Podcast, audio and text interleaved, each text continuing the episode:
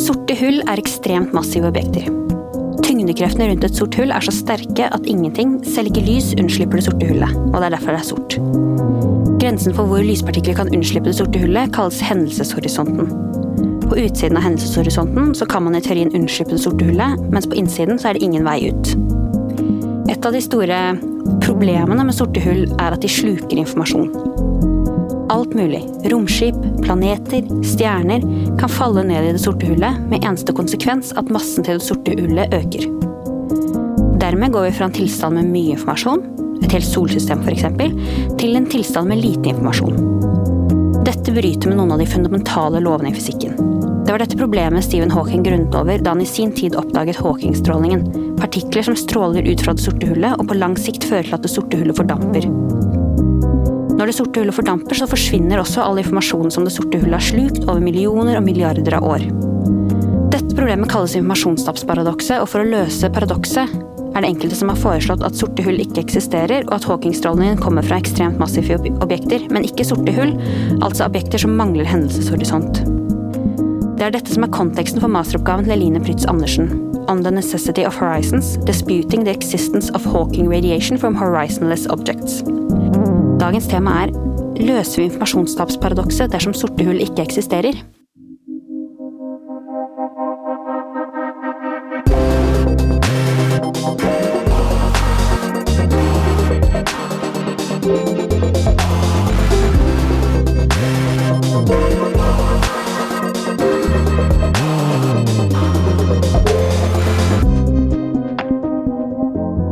Til eh, God fysikk, podkasten for deg som er interessert i fysikk og vil lære litt mer. Eh, I dag så har vi en gjest som heter Eline Prytz Andersen, og hun har nettopp levert masteroppgaven sin eh, som handler om kvantestråling fra sorte hull. Hei, Eline. Hei, hei. tenker vi kan begynne sånn helt grunnleggende. Hva er sorte hull? Ja, det er et veldig godt spørsmål. Sorte hull er sånne steder i universet, eller regioner i universet, som eh, er veldig, veldig, veldig eh, kompakte. Det er veldig mye masse inni ett lite punkt. Og det gjør at alt som kommer nære nok det sorte hullet, vil falle inn mot det sorte hullet og aldri komme ut igjen. Ja. Noen ganger når man ser sånn eh, modelleringer av det, eller bilder av sorte hull, så, kan, så er det på en måte Kan man si at det, det er som en teppe, og så er det et sånt slags sluk i teppet. Ja. Eh, og det er jo da at man prøver å vise liksom hvordan kurv... Eh, eh tidrommet er kurvet ja. da, i, i, et så tungt felt. Ja. Og det er på en måte sånn man kan se for seg da, at eh, vanligvis med planeter og sånn, så kan du ha det teppet som er liksom kurva, og så har du planeten i midten. Men med et sort hull så vil liksom den kurvinga bare gå til uh, uendelig. Den vil bare fortsette og fortsette og fortsette. Mm. Så det er en uendelig lang brønn, da, på en mm. måte. Ja, for i Einsteins generelle relativitetsteori så ser man jo for seg, som du sier, at, eh, at eh, tidrommet er på en måte som et eh, trampoline eller et laken, og så har du en planet, så er det som å legge en ball på lakenet, ja. og så krummer tidrommet seg rundt den ballen. Mens ja. med et sort hull så er den krumningen eh, uendelig. Ja, ja, ikke sant. Eh, men eh, ja, hvorfor heter det sort hull, på en måte? Ja, så det er jo sort, da, fordi at det ikke kommer noe stråling ut fra det. Eller er i hvert fall det den generelle relativitetsteorien til Einstein sier, da. At uh, ingenting kan komme ut av et sort hull. Uh, og da spesielt uh, lys, for eksempel, som ville gitt det en eller annen Hva skal jeg si Stråling, eller et utseende da, som vi kan, kan se. Um, men siden ingenting kan unnslippe det sorte hullet, så kan vi egentlig ikke se noe fra det heller. Mm. Så derfor kaller vi det sort, da. så det betyr at hvis du faller ned det sorte hullet, så Så er du doomed til å bli der. Ja. Ingenting kommer ut. Ikke lys, ingen partikler. Ingenting. Nei. Tror man. Trodde ja. Ja. ja. for det er vel det vi skal diskutere litt seinere. Men eh, jeg hadde en gjest her tidligere hvor vi snakket om mørk materie, og i etterkant da så fikk jeg et spørsmål om hva som er hvordan sorte hull og mørk materie relaterer seg til hverandre. Fordi det har jo Altså mørkt og sort er jo litt det samme begrepet man bruker. Ja. Eh, så jeg lurte på om eh, Ja, er det det samme, mørk materie og sorte hull? Nei, det er jo egentlig ikke nødvendigvis det, i hvert fall. Eh, mørk materie heter på en måte mørk fordi at eh, på samme måte som sorte hull, så ser det ut til at eh, vi ikke får noe lys eller noen ting fra det. Men grunnen til at vi ikke ser den mørke materien, er egentlig fordi den ikke kolliderer med, med andre ting. Så det ser ut som det er noe som bare går gjennom alt mulig rart. Og da får vi heller ikke noe stråling fra det, da, eller lys. Um, og så kan man også si at det mørke i det er litt sånn Vi vet ikke hva det er for noe, så det er litt sånn mystisk. Um, men det er også noen som har uh, utforska teorier der uh, primordiale sorte hull, som det heter. Eller urhull, som jeg har hørt det kalt. Ja, som ble danna under Big Bang. At de kanskje kan være en del av det som vi ser som mørk materie. Da. Mm. Og noen går så langt i å si at kanskje det er all den mørke materien vi egentlig ser. Men eh, det er det på en måte ikke noe bevis for per eh, dags dato, da. For når vi sier mørk eller svart, altså svart i fysikken betyr på en måte fravær av farge. Ehm, for når vi observerer tingene rundt oss, så ser vi jo det fordi du har lysstråler, eller fotoner, som treffer eh, ja, atomene i bordet eller i gardina, eh, og så blir reflektert tilbake og oppfattet av øynene våre. Det er på en måte det det vil si å se i fysikken.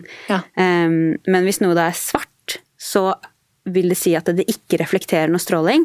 Sånn at det, det er usynlig for oss, på en måte. Ja, du mens, kan si det sånn. Ja.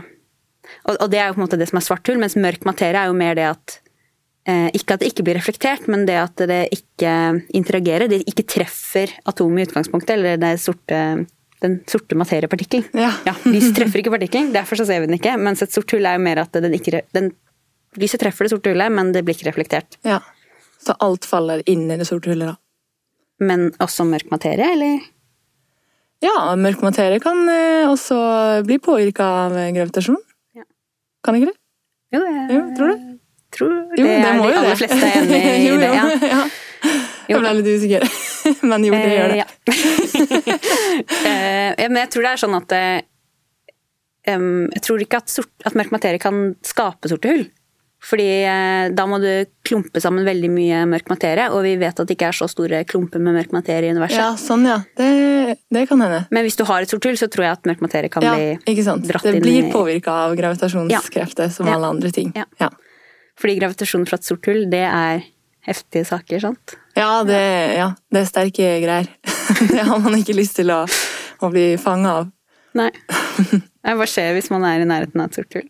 Ja, altså øh, Hvis du er nær nok, da, så vil øh, du bli spagettifisert, som man kaller det så fint. Det er et av de kuleste ordene i fysikken. spagettifisering. Ja, det er veldig, veldig Death morsomt ord. Spaghettification. Veldig visualiserende. Mm. så hvis du ser for deg at du kommer eh, faller med hodet først, da, så vil på en måte hodet ditt eh, og kroppen din strekkes nedover i det sorte hullet, mens beina dine holder seg utenfor. Ja. For det er så utrolig stor krumning, da. Eller eh, sterk gravitasjons... Mm. Eh, sterkt gravitasjonsfelt. Men det er litt morsomt akkurat det der, fordi eh, jeg sier gravitasjonskraft, eh, men i utgangspunktet så er det jo ikke egentlig en kraft, hvis man skal se det fra Einstein sitt perspektiv. Og det er sikkert en helt annen historie en annen podkast, men eh, hvis du tenker på det teppet, da, eller den trampolinen eh, du snakka om i stad, så eh, er egentlig gravitasjon bare en, en eh, krumning av bakgrunnsteppet da, til rommet. Så, så, ting på en måte rulla ned i nedoverbakke og forskjellige ting fordi at eh, bakgrunnen rett og slett er sånn. Men alt mulig kan jo falle inn i, inn i et sort hull, men har vi på en måte noe altså, Hvordan vet vi hva som har falt inn i det sorte hullet tidligere? Ja, eh, det er et veldig godt spørsmål. Eh, vi vet jo egentlig ikke det. Eh, og sånn Eh, hvis man skal se på det sånn som fysikere har tenkt på det i mange århundrer, da, så trodde man Eller mange århundre, kanskje ett århundre, vet ikke.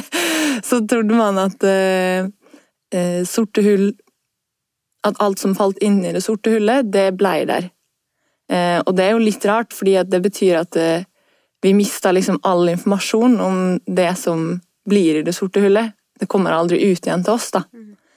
Um, og det passer på en måte heller ikke helt inn med det bildet vi har av at universet eh, Vi tror da at universet Det ser ut til at eh, alt går mot økt eh, uorden, eller mindre informasjon, da. At alt ser ut til å bare etter hvert liksom løse seg opp og bli mindre og mindre ordna. Så liksom planeter sånn som vi ser i dag, kommer i fremtiden ikke til å være planeter lenger, men heller bare masse partikler som ikke er korrelert med hverandre, da, kan man på en måte se det for seg. Og det er jo det som kalles termodynamikkens andre lov. Ja. At uh, graden av entropi alltid ja. er økende. Ja, ikke sant. Ja. Så det betyr sånn hvis uh, Eller et bilde som jeg ofte har sett brukt, er hvis du på en måte har et egg. Ja. Det er et veldig ordna system, det er liksom geometrisk og ja. Atomene står i orden. Hvis du knuser egget, så kan du på en måte ikke gå tilbake til at egget er eh, helt. Nei, ikke sant. Eh, sånn at i veldig mange fysiske prosesser så har du på en måte Du kan bare gå én vei, og det er mot mer uorden og mer kaos. Ja, ikke sant. Som er at entropien øker, eller graden av kaos øker, da. Ja, og det er litt sånn, du kan si at eh, hvis du ser da det knuste egget på film, og så spoler de Eller så, og så vil det egget liksom samle seg sammen til et helt egg. Så skjønner du automatisk at filmen er spolt i revers. da. Du ser den tilbake i tid, på en måte. Fordi vi, Det er ikke noe vi opplever i verden. Alt ser ut til å gå den andre retninga. At hvis noe knuser, så eh, Altså, noe ordna blir til noe uordna. da. Mm. Et egg som eh, pleide å være fast, det knuser. Det går aldri den andre veien. Men som du sier, en ting som faller inn i et svart hull, det opplever tilsynelatende motsatt effekt. sant? At ja. eh, for eksempel Jeg er jo et litt uordna system, ja. eh, men hvis jeg hadde falt inn i det svarte hullet, så hadde på en måte all informasjonen om hvem jeg var og eh, hvordan atomene var bygd sammen eh, hos meg, hadde forsvunnet. Og eh, det eneste som ville skjedd, var at den sorte hullet ville blitt ørlite grann tyngre. Ja, ikke sant. Så du har liksom masse informasjon i det, og så blir det bare litt tyngre. Det er veldig mye vi mista i den prosessen. da, fordi mm. noe som er like tungt som det, eh, som faller inn, kan jo også gjøre, gi akkurat det samme sorte hullet. da, Hvis det faller inn istedenfor det. Mm. Så du vet, du har liksom ikke noe informasjon om hva som faktisk har falt inn. da. Hva, hva er det vi kan vite om et sort hull? Vi kan eh, vite hvor tungt det er, og så kan vi vite hvor fort det snurrer rundt. For det er noen sorte hull eller de mest fysiske sorte hullene, da, sånn som vi tror de er i dag, de snurrer rundt. Um, ellers så kan det ha en ladning. Eh, ja, uten at vi trenger å gå så inn på ja. hva det betyr, men ja. Men da er det på en måte bare det er tre Tre informasjonsbiter. Informasjonsting du kan ja. kunne om et sort hull. Ja. Mens mm, med eksempel med meg, da, er det jo enormt mye informasjon som da liksom bare blir redusert til tre størrelser, da. Ja. Så da har du på en måte et tap av eh, både informasjon og entropi. Ja. Fordi da går på en måte Sorte hull er jo veldig strukturerte, da, kan man se for seg. Um, mens du er, du er, jo strukturert, du også, men alle ting i universet da, uh, gjør jo at universet på en måte får en større sånn, grad av uorden. da. Um, det er masse forskjellige ting der. Det er veldig mange forskjellige måter uh, du kan sitte på et kontor, eksempel, eh, og hvordan alle tingene på kontoret ditt kan være ordna i forhold til det, osv. Eh, men inni det sorte hullet, hvis alt i universet faller inn i sorte hull, da, så sitter vi jo igjen med bare liksom det sorte hullet. Og det har vi ikke Altså, det har bare tre frihetsgrader, da, som vi kaller det, eller informasjons ja, for hva er egentlig informasjon?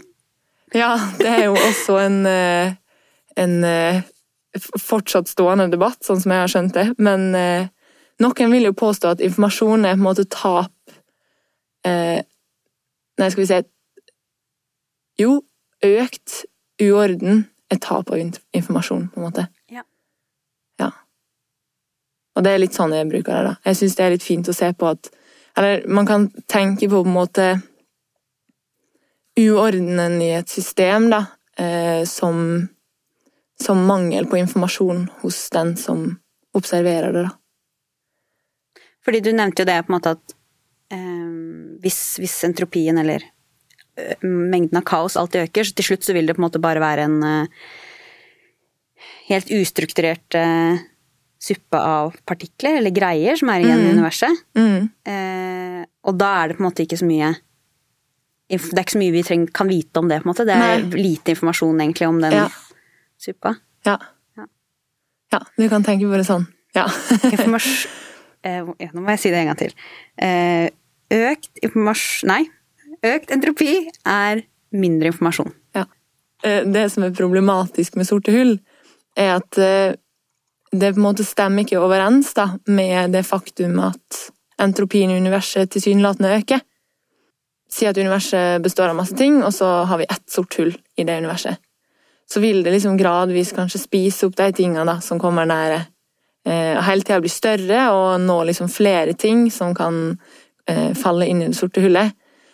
Um, og det gjør at liksom Sånn i en veldig lang tidshorisont, da, så vil vi kunne se for oss at universet til slutt bare Alt i universet faller inn i det sorte hullet.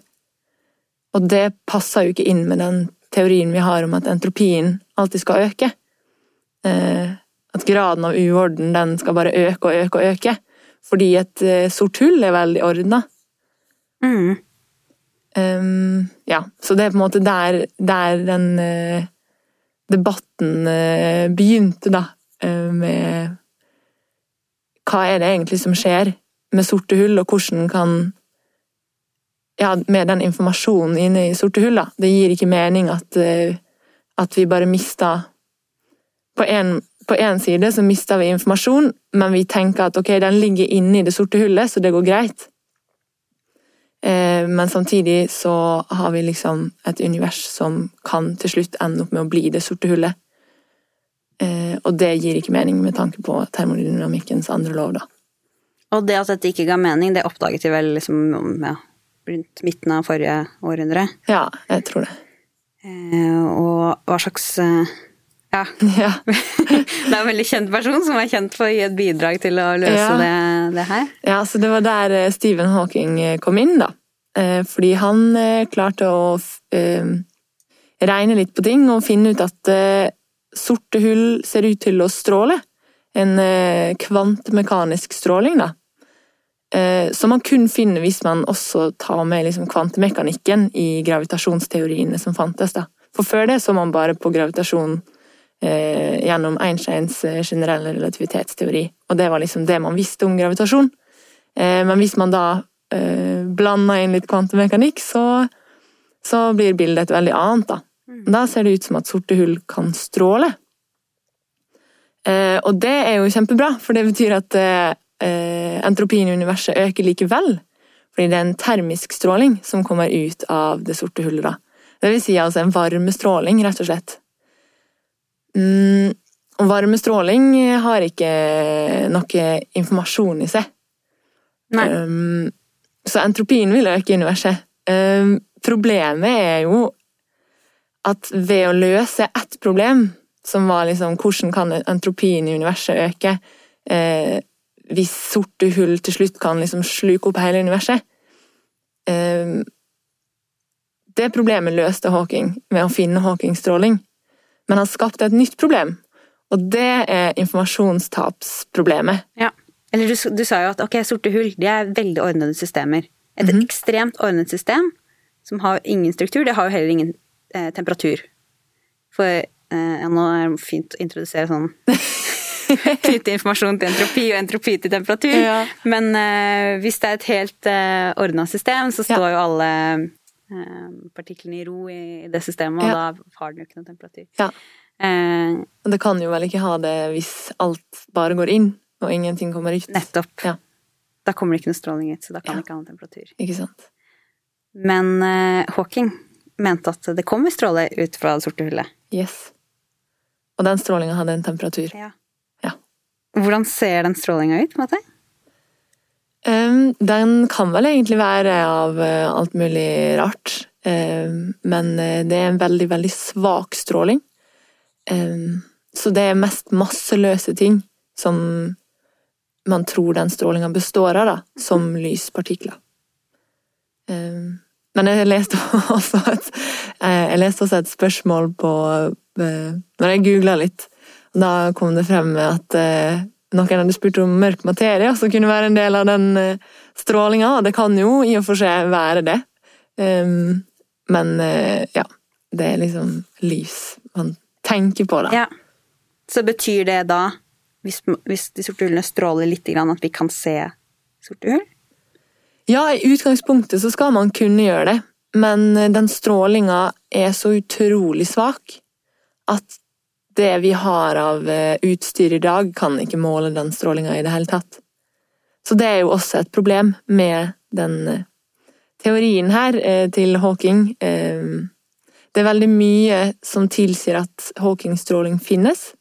De aller fleste innenfor fagfeltet er enige i at den strålinga må finnes men vi har ikke sett det ennå.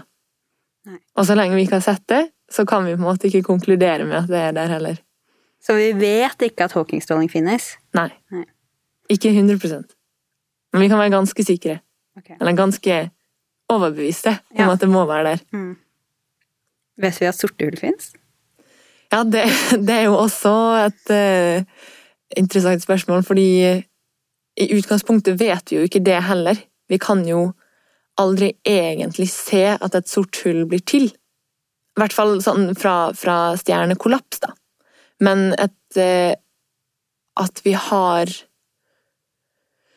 At vi har eh, sorte hull i senter av galaksene til eh, I de ulike galaksene i universet, det Det tror jeg vi kan Ja, for det var jo det som fikk nobelprisen i fjor. Ja. var jo den såkalte eksperimentelle beviset for at det finnes et sort hull i midten av galaksen. Ja Spørsmålet er om vi egentlig noensinne kan få bilde av hva det er som egentlig um, Altså, du kan på en måte ikke Du kan uansett ikke se forbi det som kalles hendelseshorisonten. Mm. Eh, så du vet at det er noe som ser ut til å være en slags barriere, der ting på en måte absorberes. Der alt som kommer forbi den eh, avstanden fra sentrum av det sorte hullet, da vil falle inn. Mm. Men vi kan ikke si noen ting om hva som er på innsiden, og så lenge vi ikke kan det, så vet vi jo egentlig ikke helt hva det er vi observerer, på en måte. Ja, for det var jo, for noen år siden så var det sånn et eh, eksperiment som publiserte et sånt første bilde av det sorte hullet. Og det er sånn ja. en slags oransje smultring, og så er det liksom sort inni midten. Ja. Eh, og da er jo på en måte den, det oransje rundt, det er liksom stråling fra materie som blir dratt inn i det sorte hullet, og på veien så interagerer det og ja, har litt friksjon eh, mellom hverandre, sånn at det stråler ut. da. Så det er jo på en måte den Det er det vi har sett, at noe blir dratt inn. Men i midten så var det jo bare et hull. Vi vet jo på en måte ikke akkurat hvordan det ser ut. Nei. Nei. Vi vet på en måte ikke egentlig om det er et faktisk sort hull um, som måte Som ikke har noe utstrekning, det er bare et punkt. Uh, eller om det kan være et veldig kompakt objekt da, mm. som, som, har veldig store gravitasjonskrefter. Uh, på samme måte som det sorte hullet, eller det drar til seg veldig mye på, med en lik styrke som det sorte hullet vanligvis uh, gjør. Ja. Eh, i våre Så det kan være tungt, veldig veldig tungt, men veldig ikke tungt, sort hull? Ja, men ikke et sort hull. Ja. Kan hende. Kan hende. Ja. Veldig tungt og veldig kompakt. For det må jo være på samme størrelse som, som eh, den eventhorisonten, da, som ja. vi kaller den. Ja, for du kan på en måte måle Når, du, når de tok dette bildet, så kan de på en måte måle eh, hvor mye masse er det som er der hvor man tror at det kanskje er et sort hull. Ja. Um, og så finner man ut at det er så mye masse på et så lite område at uh, det kanskje er Eller at vi tror det er et sort hull. Ja. Men som du sier nå, så for å være et sort hull, så må det ha en hendelseshorisont. Ja. Ja. Ja. Uh. Det er liksom den definerende egenskapen til et sort hull, da. Hva, hva, er en hendelseshorisont, da? Ja, eh, du kan se på hendelseshorisonten som liksom the point of no return, da. Det er det er ikke en sånn synlig eh, barriere for noen som, som reiser inn mot et sort hull. Eh, når vi snakka om den spagettifiseringa i stad, Um, så det ser ikke ut som en, stjerne, en svart stjerne, på en måte? Det er det Nei. Nei, okay. Nei da, det, det er ikke en fysisk eh, eh, barriere som sådan, liksom. Det er eh, snarere på en måte bare det punktet der krumninga blir så stor at ingenting kan klatre opp igjen, på en måte. Klatre ut av, eh, av eh, det sorte hullet og komme seg tilbake igjen til universet. Det er liksom den horisonten da, som dannes. Mm. Eh, eller horisonten markerer det punktet, da. Så det betyr at hvis jeg er litt grann utenfor hendelseshorisonten, så kan jeg signalisere til deg med lommelykta mi og lyse ut Ja. til deg, men hvis jeg har liksom krysset hendelseshorisonten, så er det kan Du jeg aldri prøve. snakke med deg igjen. Du kan prøve, men det lyset kommer alltid til å gå ned i det sorte hullet. ja. Ja. Vi har tatt bilde av veldig tunge objekter i universet, men vi vet ikke om det er sort stråling, nei, sort eh, hull. Og vi vet heller ikke om Hawking-stråling egentlig finnes. Ja. Men begge to tingene tenker vi at liksom er rimelig sånn teoretisk at det eksisterer. Ja. Men så nevnte du også det at det, selv om han introduserte denne strålingen som en løsning på et problem, så var det på en måte et nytt problem som ble introdusert Ja. av Hawking-strålingen.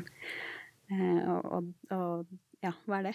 ja det, og det er det eh, som på engelsk heter information loss paradox, eh, som vi godt kan kalle for informasjonstapsparadokset på norsk. Altså informasjonstapsparadokset, det eh, er et paradoks fordi at eh, et sort hull det sluker inn masse greier som har masse informasjon. Og det har vært på en måte greit, eh, fordi at vi har tenkt at den informasjonen fortsatt er der. For det er en veldig viktig del av fysikken, det at informasjon ikke tapes, egentlig. Mm. Den blir bare kanskje mer utilgjengelig. Og den blir mer utilgjengelig inne i, eh, i eh, det sorte hullet, da. Så informasjon skal være bevart. Um, og det har vært greit, fordi vi kan ikke komme inn i det sorte hullet, så vi vet ikke hva som skjer på innsiden der. Men med Hawking-stråling så eh, finner vi da at eh, Eller fant Hawking, eh, kan man si. Det var vel ikke vi som fant det. Da fant Hawking at eh, eh, samtidig som det sorte hullet stråler, så blir det mindre i størrelse. Mm. Så den strålingen som går ut, som vi sa var en termisk stråling, så det var en varmestråling med en temperatur, den tar på en måte eh, Om man kan si det sånn at den tar liksom energi fra det sorte hullet, eller en Ja. Ja. For meg sier dette litt mening, for liksom Einstein sier jo at E er lik mc i annen, så Ja. når du stråler ut varmestråling, som er energi, Ja. så gir det jo mening at eh, det blir mindre energi i det sorte hullet, og derfor liksom mindre masse. Ja. Og da krymper det sorte hullet. på en måte. Ja. Ja. Så øh, det er liksom øh, tanken, da, at øh, på sikt så kan Eller så vil det sorte hullet rett og slett bare fordufte. Til slutt så har alt All massen, all energien stråla vekk, da. Um, og da sitter vi igjen med bare masse, eh, masse partikler som Eller lysstråler, da, eh, om du vil. Som bare flyr rundt i universet. Um, og det, den typen stråling har ikke noe informasjon igjen om det som som eh, en gang falt ned i det sorte hullet. Mm. Og det er heller ikke så mye informasjon om det, hvordan det sorte hullet faktisk så ut før. Det vet bare eh, hva slags masse eh, det hadde gjennom måte, temperaturen og overflatekrumninga som er relatert til temperaturen og massen da, eh, til det sorte hullet. Men det vet ingenting om eh, ja, om det snurrer, for eksempel. Eller om det hadde en ladning, eller sånne ting. Mm. Um, så plutselig har vi liksom mista all den informasjonen. Så før så var det greit, fordi at eh, hendelseshorisonten på en måte gjemte all informasjonen eh, fra oss. Men vi liksom antok at ja, men den informasjonen må jo finnes der inne et sted. Hvis vi hadde hatt tilgang på eh, det som var inni det sorte hullet, så hadde vi klart å vite hva som en gang falt inn. Mm. Men, eh, men med den strålinga som til slutt på en måte eh, tømmer det sorte hullet for alt Da blir det faktisk borte. Liksom. ja, da blir det faktisk borte. Og, eh, og vi har ikke noe av den informasjonen lenger. Vi vet ikke hva som en gang falt inn i det sorte hullet. Og det er da det informasjonstapsparadokset, da. Fordi Ja. informasjonen skal jo ikke kunne tapes. Mm. Sånn som vi tenker på det, da, som fysikere. I hvert fall. Ja, så hadde liksom eh, en slags løsning, men det ble jo bare Mer eh, Enda mer komplisert, et enda egentlig. større problem, ja. ja. Det er problem. Hva slags løsninger er det man har tenkt seg på dette informasjonstapsparadokset? Ja, ikke sant. Da kommer vi jo tilbake igjen til det vi nettopp snakka om, om vi kan eh, Om sorte hull faktisk finnes, eller om det kan være ting som ser ut som sorte hull sett fra oss, men som egentlig er veldig, veldig, veldig kompakte eh, objekter. Eller eh, ikke nødvendigvis stjerner, men veldig eh, tettpakka eh, ting som eh, som kan se ut som et eh, sort hull, men som, eh, Du Som ikke har den hendelseshorisonten som ikke har en hendelseshorisont, skal til. Mm. og som fortsatt har en overflate, da, eh, på en måte. Ja. Eller en slags eh, eh, Ja, akkurat hvordan det ser ut, det blir faktisk feil, egentlig. Det trenger ikke å ha en overflate, sånn som vi kjenner. Men eh, ja.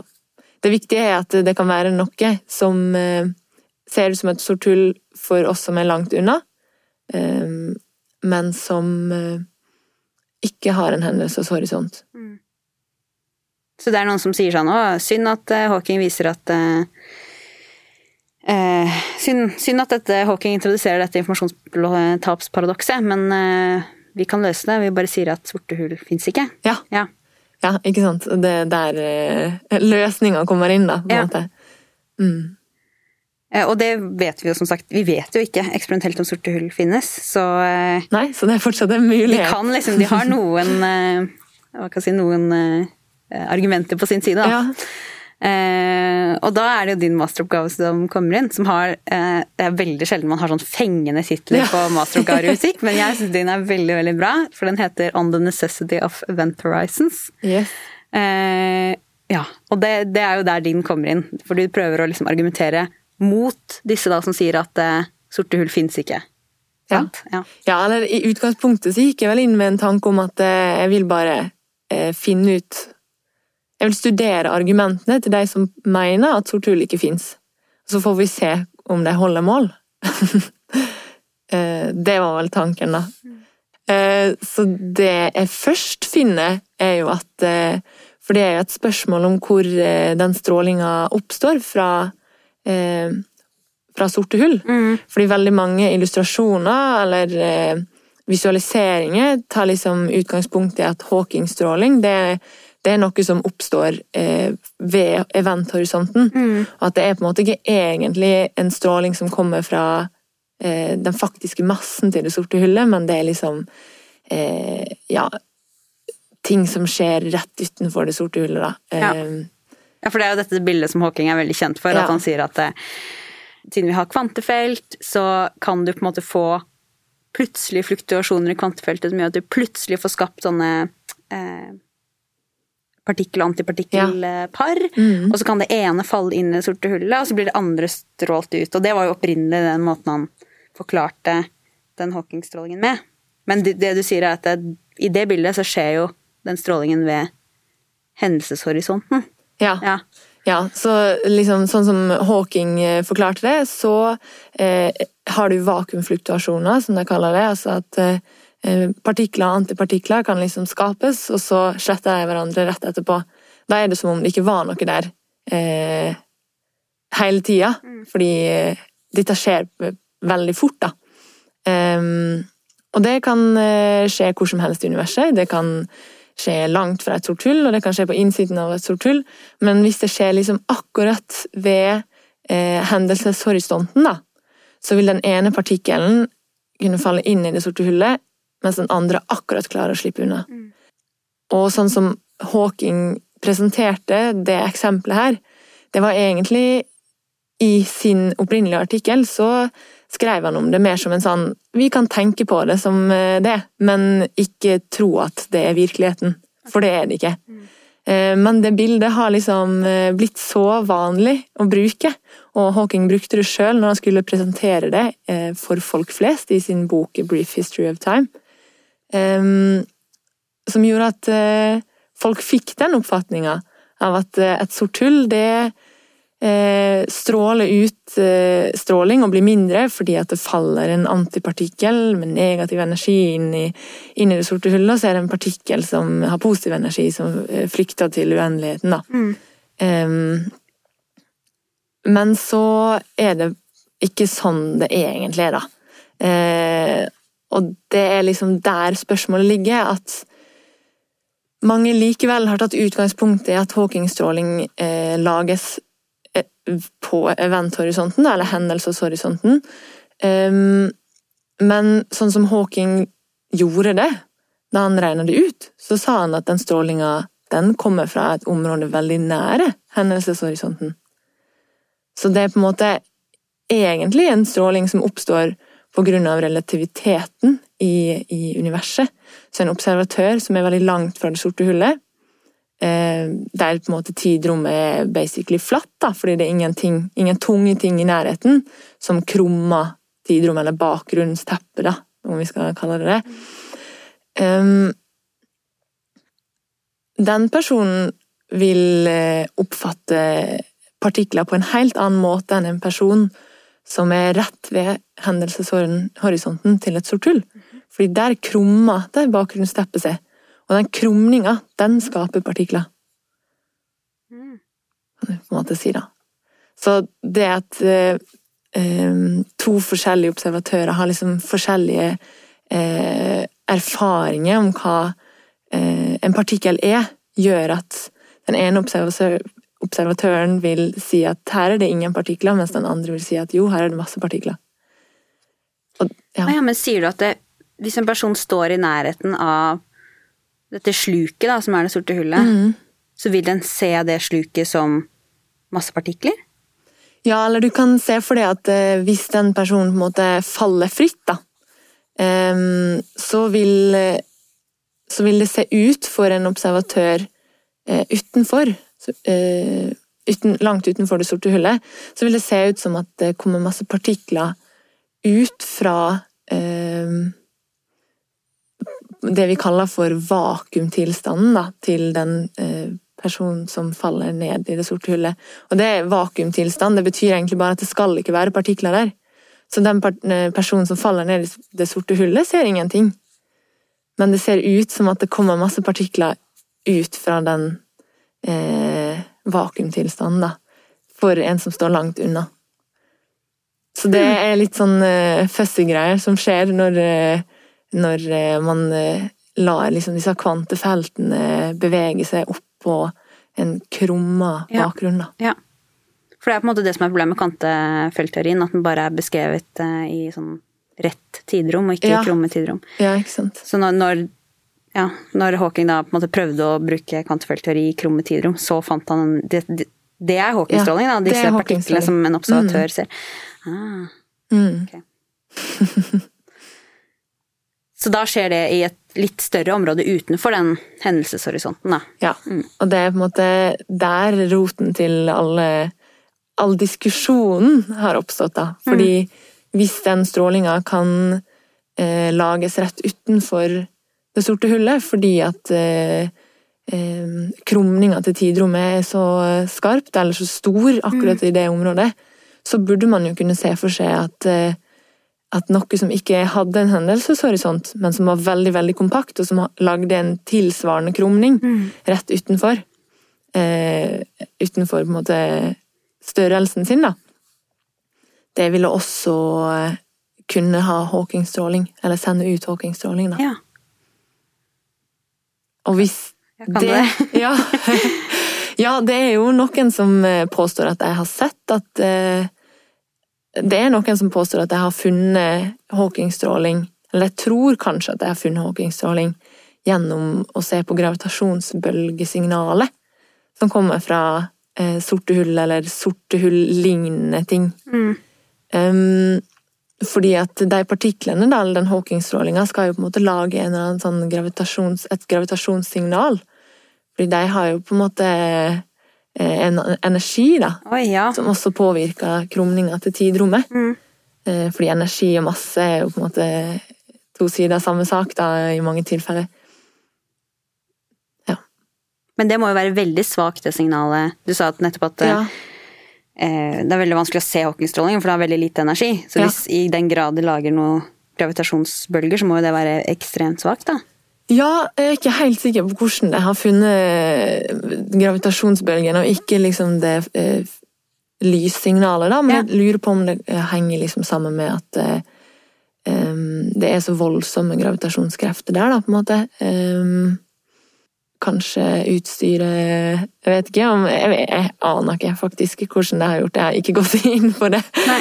Men eh, ja. Du forklarte nå at denne Hawking-strålingen oppstår fordi at eh, tidrommet krummer seg. Ja. Og så er det noen som da hevder at det, og det trenger ikke å krumme seg helt ned i et sluk, eller det behøver ikke være uendelig krumming. Kan bare være ganske mye krumming, Ja. og så vil vi få den Hawking-strålingen likevel. ja. Ja. Det er det som er tanken, da. ja. Og da er det jo liksom Hvis man tenker at det er tilfellet, da, at uh, sorte hull ikke fins, men at uh, det vi tror er sorte hull, egentlig er bare sånne kompakte ting som har akkurat de samme egenskapene, og som også kan stråle ut Hawking-stråling. Mm. Akkurat som sorte hull, men uten hendelseshorisonten. Uten hendelseshorisonten, ja. Uh, så kan Da har vi på en måte ikke noe informasjonstapsparadoks. Fordi da er det jo ikke egentlig noe som forsvinner av informasjon. Det er ingenting som faller inn i det eh, Altså, det er ingenting som eh, faller inn og fordufter av informasjonen. Informasjonen er der, liksom, hele tida. Du kan hele tida følge en partikkel som faller inn mot det der objektet. Eh, men det vil også kunne unnslippe. Det tar bare uendelig lang tid, f.eks. hvis det er veldig veldig kompakt. da. Um, men med det sorte hullet så har du så vil ting som faller inn, det ville ikke komme ut, bortsett fra gjennom den strålinga. Eh, ja, nå roter jeg meg bort. Nei, ja, fordi typisk sånn når du roter deg bort, så kommer jeg på et nytt spørsmål som er litt sånn litt rote deg bort. Men eh, de som tenker at ok, sorte hull fins ikke, og det er bare sånne kompakte objekter som ser ut som sorte hull, eller kan forveksles med sorte hull. Eh, hvordan tenker de at vi skal få tak i den informasjonen om hva som har falt ned i dette kompakte objektet? Ja, eller sånn Du har på en måte ikke Fordi du, den, jeg, ja, ja. Det var det jeg mente at Haw- Selv hvis kompakte objekter finnes, så vil jo Hawking-strålingen gjøre at de kompakte objektene fordamper. Så vi vil ha det samme problemet med at informasjonen forsvinner til slutt. Ja, eller du kan jo lure på hva det egentlig er som er den strålinga, da. For egentlig um, Hvis det er krumninger som skaper den strålinga eh, Ja, skal vi se, da. Hvis det er krumninga som skaper den strålinga, så er det vel en energi som kommer fra det sorte hullet, som gjør at det fortsatt liksom taper taper Eller blir mindre og mindre. Men jeg tror ikke nødvendigvis at eh, for det er jo bare en forklaringsmodell på hvorfor sorte hull Altså et forsøk på å sette sorte hull og, og den eh, evaporeringa, eller hva det heter, forduftinga, eller sånn utstrålinga, eh, få den til å passe inn i den teorien som allerede finnes. Men om det er et eh, fysisk objekt som er der, og som stråler Så er jeg ikke sikker på om den strålinga nødvendigvis trenger å komme fra objektet. Eller om det kan være liksom Mm. Det kommer fra klumminga av tidrommet. Ja. Men det, det skal ikke si for sikkert. en teoretisk fysiker er Det er ikke så nøye hvordan, eh, hva den strålinga egentlig er. det. Neida. Ja. Men uh, on the necessity of event horizon, hva, hva fant du? Er det Ja. necessary? Or? ja, så først så fant jeg at jeg kan bekrefte det folk sier, at eh, strålinga kommer fra et område rundt eventhorisonten, eller hendelseshorisonten. Det er ikke en stråling som kommer fra hendelseshorisonten, sånn som eh, man ofte blir lurt til å tro. Mm. Så det stemmer, men det er et veldig, veldig, veldig lite område utenfor den hendelseshorisonten den strålinga kan komme fra. Så i utgangspunktet så byr det på noen problemer, fordi at hvis du skal ha noe som er ekstremt kompakt, men som er veldig nære det som ville vært det objektet, eller eh, den tingen sin hendelseshorisont, eh, som gjorde at det ble til et sort hull, fordi at det liksom, all materien da bare ville falt inn og kollapsa til et punkt, eh, så vil det Den tingen vil være veldig ustabil. Eh, det er ikke veldig lett å ha et fysisk objekt som har den størrelsen, som er så kompakt, eh, uten at gravitasjonskreftene rett og slett bare trykker det inn. da. Alt eh, i den klumpen og gjør det til et punkt, liksom. Og så blir det et sort hull. Så det er vanskelig å ha et, et stabil, eh, kompakt objekt som ikke er et sort hull? Ja. Ja.